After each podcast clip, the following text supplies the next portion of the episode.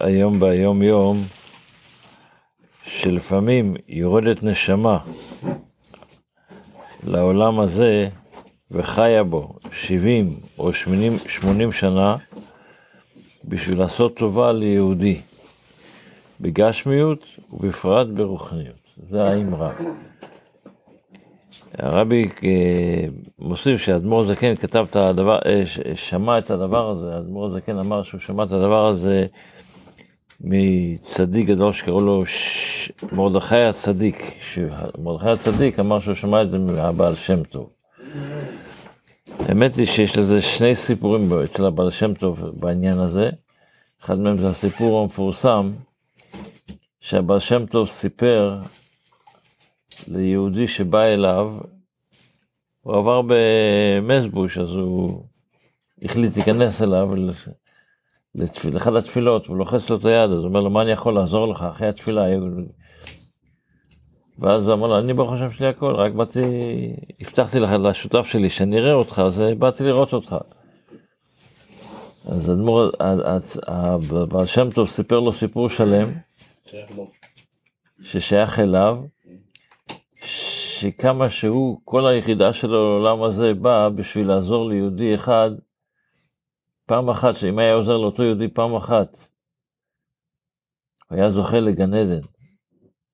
עם כל הסיפור המפורסם, אנחנו לא ניכנס אליו עכשיו, אז זה האמרה של ה... שמופיע פה ביום יום. בספר המצוות, אנחנו עדיין ב... ב...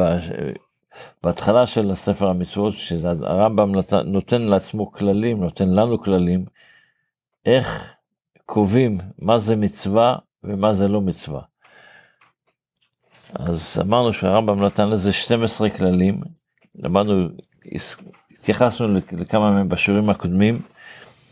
בשיעור שלומדים היום, אז אומר הרמב"ם, הכלל העשירי, שאין למנות את ההקדמות לאיזה תכלית שהיא.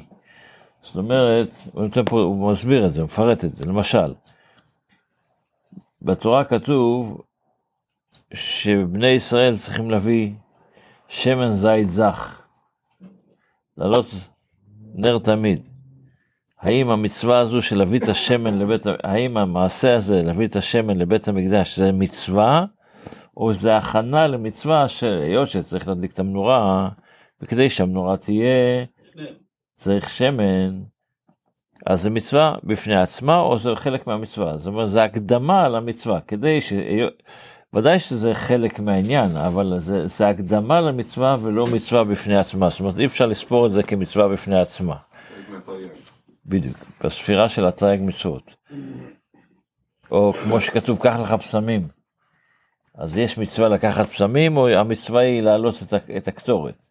היות שכדי, היות שצריך לעלות קטורת, צריך לקחת סמים, צריך, כמו, ש, כמו שאנחנו עכשיו בשיעורים בתפילה, שבסמים הזה גם צריך לעשות פיתום הקטורת, צריך לפטם את הקטורת הזו, איך לעשות אותה, אחד הסמנים ועוד כל מיני דברים נוספים. אז כל הדברים האלה הם, חל, הם, הם לא מצווה בפני עצמה, הם חלק מהמצווה. זה כלל ראשון, שר, זה הכלל העשירי שהרמב"ם כותב. הכלל האחד עשרה, שאין למנות חלקי מצווה כל חלק בנפרד, אם הם עושים את זה למצווה אחת. למשל, הוא נותן פה דוגמה. אה, יש, יש מצוות ארבעת המינים. אז זה שאני לוקח לולב, ואני לוקח את ההדס, ואני לוקח את הערבה, ואת האתרוג, זה ארבע מצוות. כתוב לקחת לך עץ פרי הדר, או שהכל זה מצווה אחת, זה הכל נכלל, וסופרים את זה כמצווה אחת. ועוד כמה דוגמאות נוספות שיש ביום אותו דבר, שצריך, יש בה כמה שלבים, אבל עדיין זה נקרא כמצווה אחת.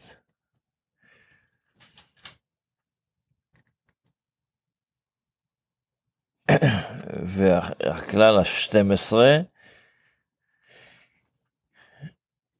יש לפעמים שעושים מצווה כמה פעמים. למשל, אה, קורבן מוסף. בראש חודש. אז יש, אם יש יומיים בראש חודש, אז זה שני מצוות, או זה מצווה אחת שעושים אותה יומיים. זה, זה עוד שאלה, זאת אומרת, זה, זה, הדברים האלה הרמב"ם מדבר היום בכללים, זה הכללים שהרמב"ם נותן לנו. אחרי זה יש...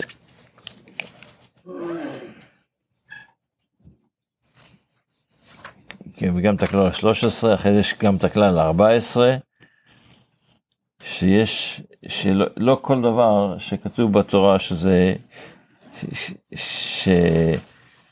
שהעונשים שלו שונים.